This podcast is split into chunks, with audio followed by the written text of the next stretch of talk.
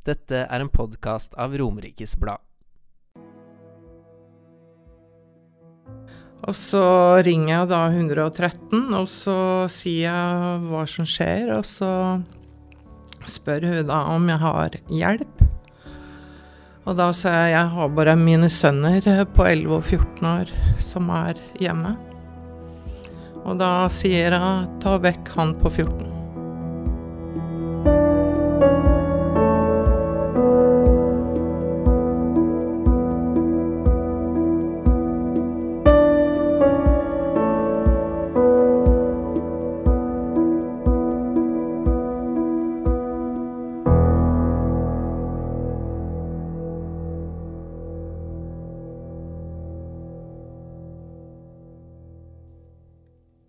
Velkommen til en ny episode av Et øyeblikk med Seim og Seigerud. Velkommen, eh, Siri. Takk. Da var vi her igjen, da. Da er vi her igjen, og nok en gang så har vi med oss um, en gjest som har en ganske heftig historie, må vi vel kunne si, Siri? Det vil jeg absolutt si. Det gjør i hvert fall inntrykk på meg. Ja. Men uh, Og ikke minst så skal hun jo prate om noe som uh, veldig, veldig mange uh, kommer borti på et eller annet tidspunkt i livet. Jeg tror vi bare sier velkommen til dagens gjest, Bessie Berntsen. Takk.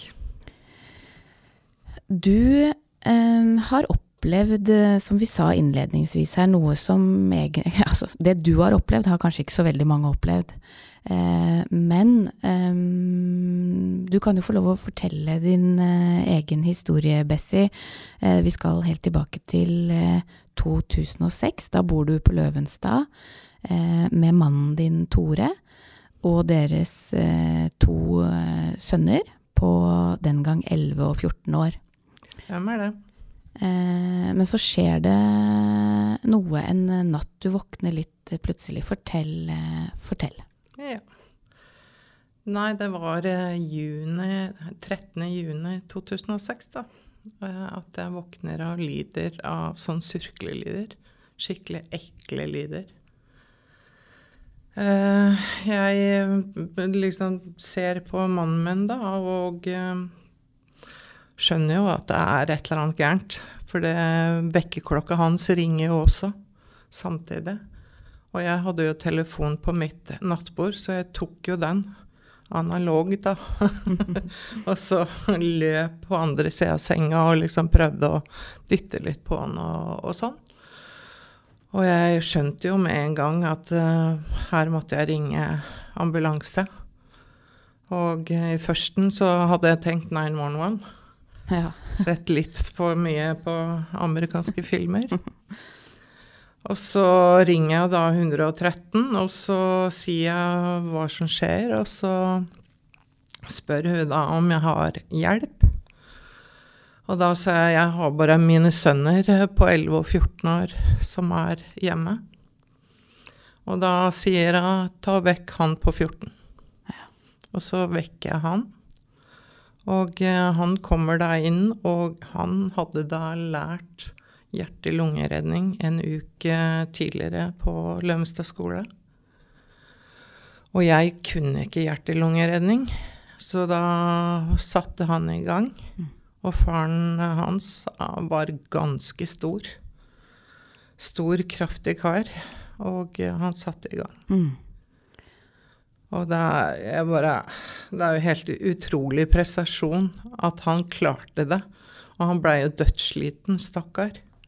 ja, for det er jo ordentlig tungt. Ja, det er det. Ordentlig tungt. Og eh, så han holdt på fram til de kom med ambulansen. Mm. Jeg følte at det var veldig lang, lang tid. Men eh, ifølge dem så var det ikke så lenge som jeg trodde. Men eh, ja, så kom de da, oss, og da hadde de fått hjerteinfarkt. hjertesinfarkt. Ganske kraftighet med hjertestans. Ja. Og de surklelydene jeg våkna av, var da væske fra magen som kom opp i lungene. Og det er det ekleste lyd jeg noen gang har hørt. Åssen er det å liksom måtte vekke den 14 år gamle sønnen din og få han inn på soverommet og, og Det tror jeg blei bare automatikk i det. mm. For jeg gjorde det hun sa på telefon. Jeg klarte liksom ikke tenke noe i det hele tatt.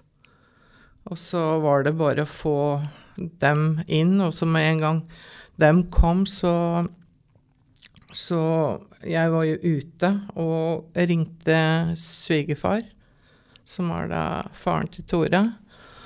Og han eh, Det var akkurat som déjà vu Mm. når jeg sto der ute og snakka med henne i telefon. Akkurat som jeg hadde opplevd det før, men det hadde jeg jo ikke. Nei. Så veldig sånn ubehagelig følelse. Ja, det skjønner jeg. Og det var jo nydelig vær, for jeg hadde jo bare på meg T-skjorte og shorts fra Mm. når jeg sto der ute og ringte dem. Ja. Og mens de holdt på der nede med De måtte jo da bruke hjertestarter og fikk i gang hjertet og sånn. ja. Og, jeg, og da var det bare og I og med at den var så stor og tung, og vi hadde soverom i underetasjen, så måtte de ha hjelp til å få han ut. Mm. Og da ringte de etter brannvesenet og fikk jo sterke karer derfra til å hjelpe seg. ja. Så da kom dem og bærte den ut, og det er da Så jeg blei jo med ambulansen da til Rikshospitalet, for det, vi bodde jo da noen få minutter fra Ahus, men det var ikke dit vi skulle. Nei. Vi skulle direkte til Riksen. Og det var Ja, det var mye kø. Dette var tidlig på morgenen, ikke sant. Og da var jo køen inn til Oslo enorm. Mm. Og jeg tenkte, når jeg satt ved siden av ambulansesjåføren, herregud, altså, for en jobb. Mm. Å komme seg gjennom den trafikken. Ja, fy søren. Uff a meg. Ja. Men skjønte du, eh, skjønte du når du på en måte så han, og når dere drev med hjerte- og lungeredning, og når han etter hvert blei henta, eh, hvor alvorlig det var? Nei. Nei. Jeg gjorde ikke det. Han eh, Og etter eh, liksom Han ble jo satt eh, på kjøling med en gang Mm. av eh, eventuelt hjerneskade. Ja. Og eh, han var jo på sykehuset i seks dager før eh, den siste dagen eh, eh, Da kom legen til meg og sa at jeg tror vi skal slå av maskinen. Du må samle alle Okay. og få slått av maskinen. Men det som var litt eh, rart Altså, broren min, eh, han hadde kommet dagen etter at dette skjedde, Mm. fra Island. Og, eh, og den dagen, mandagen 19., den dagen vi slo av maskinen, da sier jeg til henne jeg tror ikke du trenger å bli med på sykehuset i dag. Det hadde jo vært eh, berg-og-dal-bane helt fra starten og, og til søndagen, og så tenkte jeg nei, det er ikke noe vits, liksom. Jeg kan dra aleine. Mm. Men så ombestemte jeg meg og sa at jeg tror kanskje du skal bli med likevel. Så han blei med. Han var med. Og han kjørte bilen. Og jeg aner ikke hva jeg hadde gjort uten han de dagene, altså. Aner ikke. Han var uh, veldig god støtte. Ja. Så fint. Eh, kan du si litt om For da dere fikk beskjed Det var først den sjette dagen du egentlig fikk beskjeden om at dette ikke kom til å gå? At, eh, Ja. For da var hjerneskaden for stor. mm, Han hadde ikke kunnet levd med hjerteinfarkt, mm, men ikke hjerneskaden. nei, ikke sant. Den var for stor. Hvordan eh, Du har jo to sønner som jo har vært med på, Ja. på dette her, altså hele prosessen, de og Sikkert utrolig tungt, og så står du i en situasjon hvor du mister mannen din, skjønner at du mister mannen din, de mister pappaen sin, og så skal du være en mamma, mamma samtidig som du sørger sjøl, og de sørger. Mm. Hvordan er det? Nei, det, det var jo ikke lett. Men jeg satte dem i nummer én, to og tre. Ja. Jeg kom langt bak. Det tok lang tid før jeg begynte å bearbeide min sorg. For det, jeg tenkte liksom i og med at han hadde utført hjerte-lungeredning, Mm. så var jeg veldig klar på at han kunne få tilbakefall eller få en eh, sen reaksjon. Mm. Så jeg venta og venta. Jeg venta i mange år. Ja. Men han fikk ikke det. Nei. Heldigvis. Nei, ikke sant. Ja. Ikke det jeg vet om, i hvert fall. Nei. Så ja. Mm. Det er uh, utrolig tøft. Men uh, jeg skulle da prøve å være både mor og far. Ja. Men jeg fikk utrolig mye støtte av min svigerfamilie, det må jeg si. Ja, så bra. De var uh, som mine foreldre, og også svigerinne og svoger var som klipper. Ja. Selv om dem har jo mista dem òg. Selvfølgelig. Mm. Så Det Mm. støtten i hverandre, rett og slett, i den nærmeste familien på, på tvers, da. Som var eh, helt avgjørende når Mm. eh, livet ble snudd på hodet og man sto der uten mannen helt klart. og pappa. Ja. Og jeg blei da 37 år enke, liksom. Ja. Det var ikke det jeg så for meg. Nei, det er jo ikke akkurat sånn man ser for seg livet. Eh, og så har du vel nevnt det, Bessie, at eh, når man blir stående i en sånn situasjon, så tenker man jo på alle ting. Er det noe man kunne gjort annerledes? Man skylder litt på seg sjøl, kanskje. Hadde, opplevde du det sånn? Å ja. Ja. Det, jeg tenkte at det var min skyld at dette skjedde. For han var jo ganske dårlig kvelden før, for da feira vi bursdagen til yngstemann. Han hadde bursdag åttende, og så hadde han barnebursdagen da den tolvte. Og eh, når det tok så lang tid for han å gå fra bilen og ned, så tenkte jeg nei, dette er ikke bra. Nei. For han var vi- sliten? Han var eh, dødssliten. Han eh, hadde jo hatt det vondt lenge i forveien, i da skulderryggen, Mm. som legen mente da var stressrelaterte smerter. Mm. Så Så litt sånn subtile ingen som smerter. tenkte hjertet. Mm. Ingen som tenkte Nei. hjertet. Og han ba meg til og med å ta på seg her på venstre side, liksom bare ta på med fingra. Mm. Og da når jeg hadde gjort det, så sa han ja, det er eh, nok muskulært. Ja, ikke sant. Ja. Men det der er vel litt sånn typisk eh, Jeg har jo Altså, min far fikk jo et kraftig hjerteinfarkt på 17. mai, av alle ting, eh, da jeg gikk siste året på barneskolen. Og da husker jeg også han sa Han hadde så vondt i magen. Og så kom det noen som var sykepleiere og sånn til og sa 'har du vondt i armen', for det er jo det klassiske sant, tegnet. Og da husker jeg at liksom, han ble nesten sånn irritert til slutt da de sa det samme spørsmålet. Nei, jeg har ikke vondt i armen, jeg har ikke vondt i brystet, jeg har vondt i magen. Mm. Og en halvtime seinere så måtte han gjenopplives i ambulansen på vei til Ahus, ikke sant. Mm. Så det er jo symptomer Det kan jo åpenbart være Ja. veldig eh, Så mangt, da. Mm. Ja. Det kan det jo absolutt eh, være. Og så er det jo det med vond, vondt i armen, hører man kanskje om vondt i skulder, er kanskje ikke så vanlig. At det er liksom, man tenker jo kanskje fort at det er muskulært, og at det er noe som skal gå over. Man Ja, for det, han hadde jo tydeligvis vondt på sida ja, der. ikke sant. Mm. Og fordi han ba meg om å ta på der liksom, og bare kjenne, liksom trykke på. Og da mente han da ja, det var nok muskulært. Mm. Mm. Men det var nok mer enn som så, ja. Ja, ikke sant. Mm. Et slags forvarsel. Men det er jo liksom så lett uh, å være så etterpåklok, liksom. Jeg skulle ha gjort det sånn, jeg skulle ha gjort det sånn. Sånn tenkte du lang tid etterpå. Mm. Mm. Hvordan bearbeider man eh, det, da? Både ikke sant? Altså, den skyldfølelsen man sitter med litt, eh, det at man har blitt enke i en alder av altfor alt for ung alder. Mm. Eh, hvordan, eh, ja, hvordan bearbeider man noe sånt? Ja, da beit jeg bokstavelig talt sammen tenna. Mm. Og det gikk da utover eh, både tenner og kjeveledd og alt som er. Ja.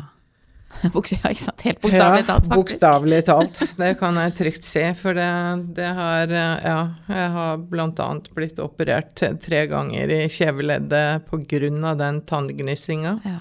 Som jeg da knuste tenna med. Ja, og så Som da har vært spenninger, da. Som er tilknytta sorg og, og dødsfall Ja. og tap av mannen din. Ja. Altså, jeg gnista tenner tidligere, men ikke i nærheten av det som skjedde Nei. etter at han døde. Nei. Mm. Men ja, det er jo gjerne kroppen ja, Man får jo noen sånne fysiske reaksjoner på Noe veldig. Ja.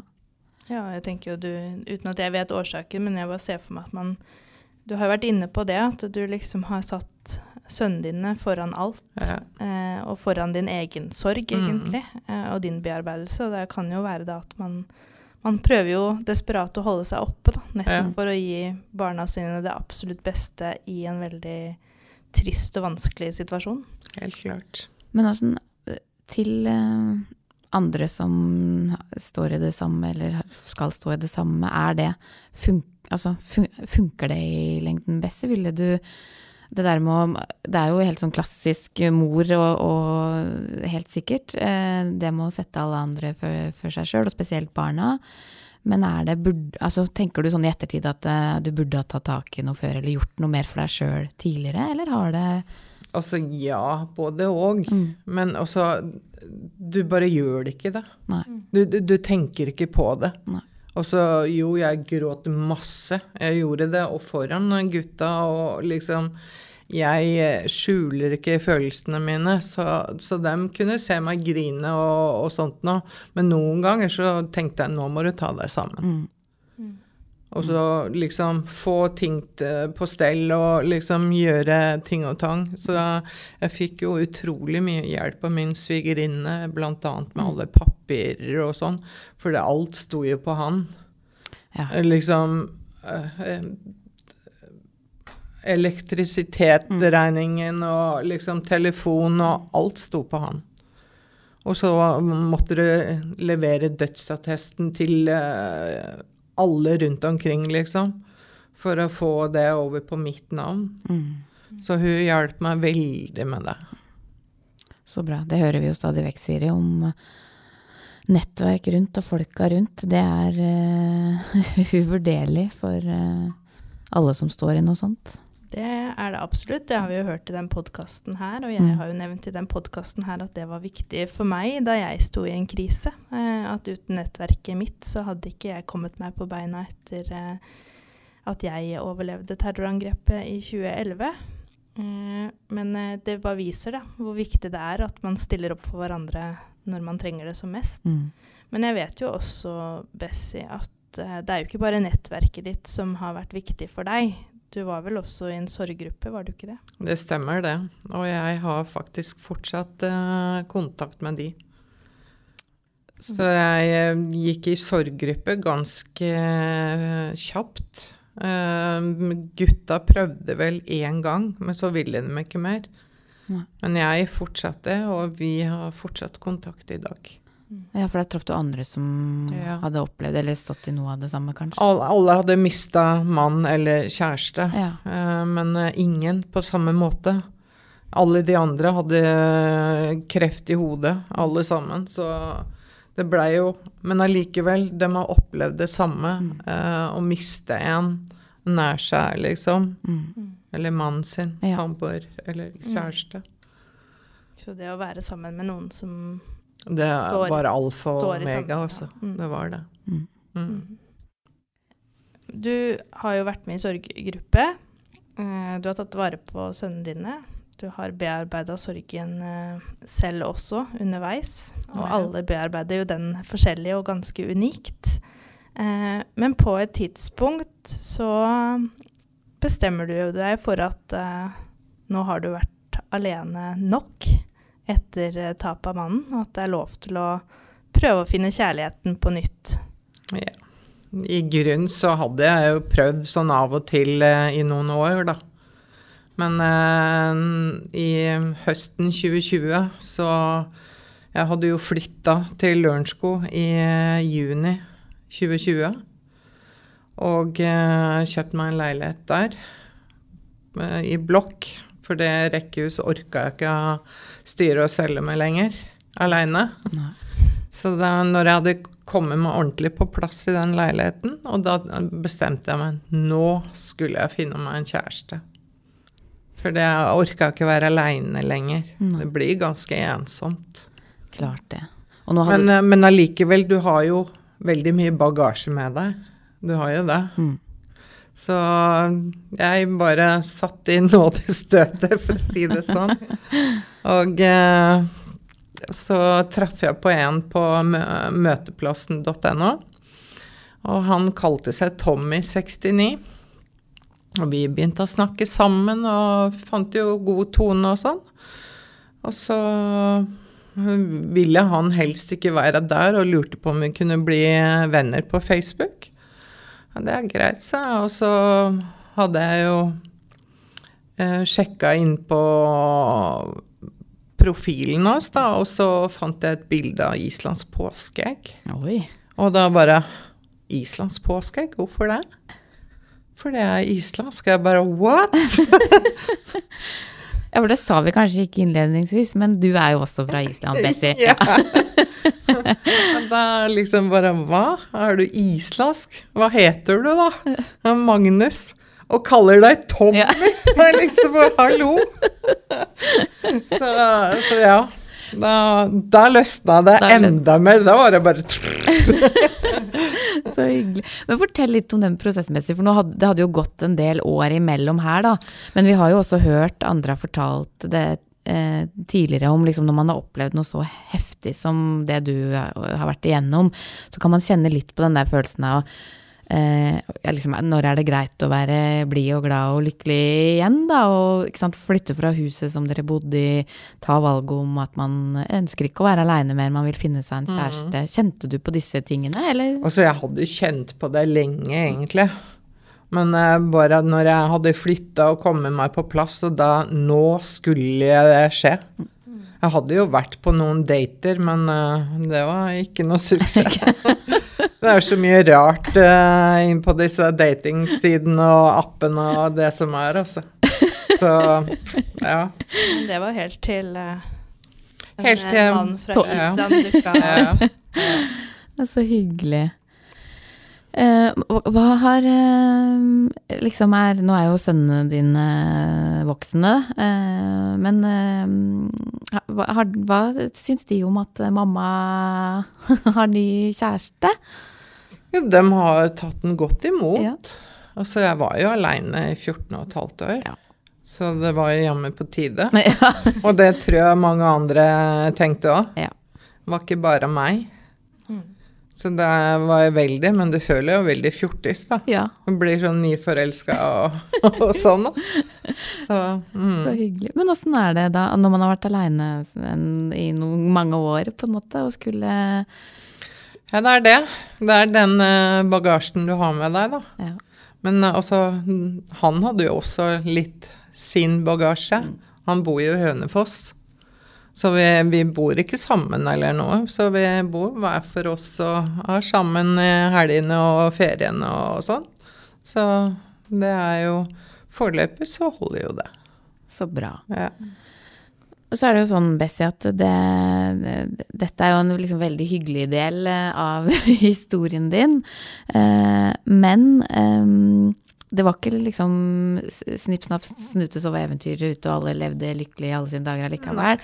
For du har vært gjennom, eh, stått i enda flere stormer, eh, Mm. rett og slett. Eh, fortell hva som skjedde egentlig mens du var litt nyforelska og, og hadde det veldig bra. Mhm. Ja, det, det begynte vel med at eh, i januar så måtte jeg Altså, jeg blei kjent med han 10. desember 2020. Og i januar 2021 så hadde jeg tatt en CT som det var en mørk flekk på lunga. Mm. Blant annet. Og eh, så sa legen da at eh, han hadde fått indikasjon på at det kunne være rester av en lungebetennelse. Men eh, det hadde jo jeg aldri. Jeg har aldri hatt lungebetennelse, så Nei, du skjønte at det Men han sa det, det kunne jo være allikevel at du har hatt det. Men så ble jeg veldig mye dårlig det året, 2021. Og så var jeg på Island i begynnelsen av eh, november. Og eh, eh, siste to og en halv eh, måneden hadde jeg fått eh, feber med luftveissymptomer eh, tre ganger. ja. Og det er ikke meg, altså. Så da tenkte jeg herregud, her er det noe eh, ikke så helt bra. Nei. Så da sendte legen meg på CT på nytt av lungene. Og da så de den flekken der igjen. Og da blei det bestemt for å sette på sånn eh, noe som heter forløpspakke. Og da leter de etter kreft eller utelukker. Ja, riktig. Og jeg hadde ikke min villeste fantasi annet at det var noe sånt nå. Nei, Så jeg var veldig rolig. Det ble tatt eh, biopsi 9.12. samme år. 14.12. så får jeg eh, telefon på jobben, og da knekker jeg helt sammen. Mm. Det var en tøff beskjed å få. For det, det, da bare sa de kan du komme hit om to dager med noen med deg. Ta med deg noen. Ja. Da, det er De sa godt. ikke dette, og jeg bare Shit. Ja. Unnskyld. Og da, det viste seg å være en sjelden eh, Sjelden type lungekreft, ja. ja. Og det også det, Som sagt, det blei tatt biopsi den niende, og det blei jo komplikasjoner. Og da fikk jeg sånn eh, skikkelig blodtrykksfall. Jeg hadde 69 over 50 når jeg kom opp på lungeavdelingen igjen. Fordi jeg sto jo klar og skulle bli henta med eh, pasientreiser. Ja. Og jeg klarte å kravle meg inn i heisen og opp eh, igjen før jeg kollapsa. Og det Ja, de smertene der unner jeg ingen, rett og slett. Da måtte jeg bli innlagt. ja. Og så måtte jeg ta PET-CT i eh, slutten av desember, da. Eller så kom jeg. Jeg må jo ta jeg, den 16. desember, når jeg fikk diagnosen. Da blei kjæresten med meg dit. Og eh, vi fikk jo da den beskjeden, og så skulle jeg til masse forskjellige folk og, og sånt noe. Herregud, du hadde aldri klart å huske alt dette aleine, altså.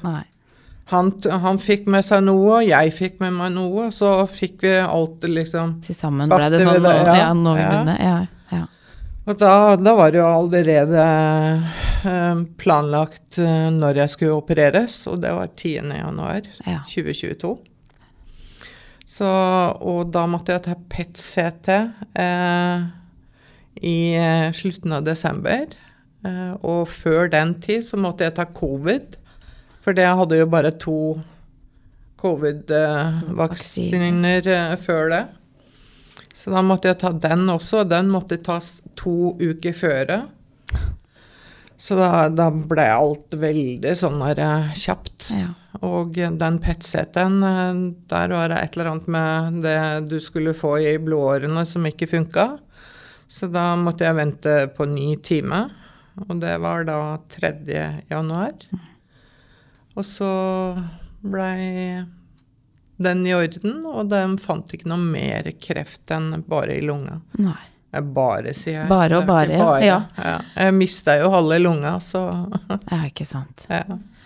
Det er jo lett å tenke for meg som hører på deg, at, at eh, man kunne ha satt seg ned og liksom tenkt åh, hvorfor meg igjen? Har det ikke vært nok, på en måte? Har du tenkt sånn, Betzy? Du tror du? Tusen millioner ganger. Hvorfor alltid meg? Mm. Hvorfor skal jeg alltid få sånne negative ting og, og sånn? Det er alltid noe gærent. Mm. Og jeg får alltid komplikasjoner. Ja. Se den her. Kjeveledd Nei, kjeven min. Ja. Etter uh, tannrotamputasjon i forrige uke. Ja, du sa jo at komplikasjonene var mellomnavnet ditt. Ja, det er det. Men har du funnet noe svar da, Betzy? Hvorfor tror du Eller kan, går det Har det kommet Jeg- jeg- noe godt ut av alt du har vært igjennom? Ja, altså eh, Hell i uhellet var jo at jeg fikk jo en eh, Fikk jo en eh, veldig sjelden type kreft, da. Så jeg slapp jo både stråling og cellegift. Takk og lov for det. Mm. Så jeg har jo et eh, armbånd her som står 'heldig' på. Ja. Mm. Så det, jeg føler meg litt heldig allikevel. For jeg har jo funnet kjærligheten, og jeg har blitt frisk. Som jeg kan bli, i hvert fall foreløpig. mm. For det, den type kreft har jeg I løpet av ti år så var det ingen som hadde fått tilbakefall. Nei. med den typen, og ingen hadde fått spredning. Så da krysser jeg fingra for at ikke jeg skal ha den. For det, det opplever jeg veldig ofte med bl.a. kjeveleddet. Det var alltid Nei, dette har aldri skjedd før. Og det er liksom alltid nytt, liksom. Ja. Ja. Jeg veit ikke om legene bare sier det til alle, eller Eller om om du det er er bare meg. Jeg aner ikke, men det er komplikasjoner. Ja. Ja. Mellomnavnet mitt. Ja, ikke sant. Mm. Men Men uansett så Eller uansett, da, så Selv om komplikasjoner er mellom navnet, og du har spurt deg sjøl om hvorfor meg, så står du jo på beina og gyver løs med både jobb og familie likevel, da. Og Jeg gjør det. Jeg tror jeg har klart det greit med sønnene mine, i hvert fall. Og jeg har jo da jobba på samme plassen eller samme firma i 20 år. Mm. Hadde jo 20-årsjubileum nå i mars. Så jeg klarer å ja, bite tenna sammen.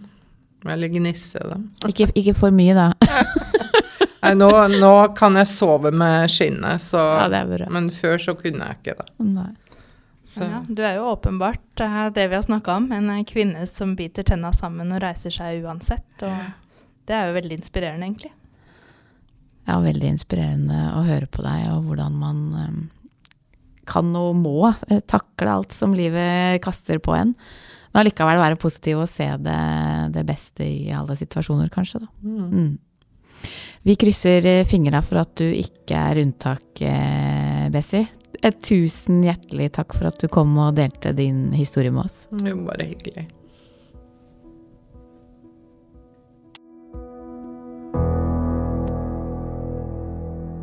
Du har nå hørt en podkast av Romerikes Blad. Ansvarlig redaktør er Rune Bernhus.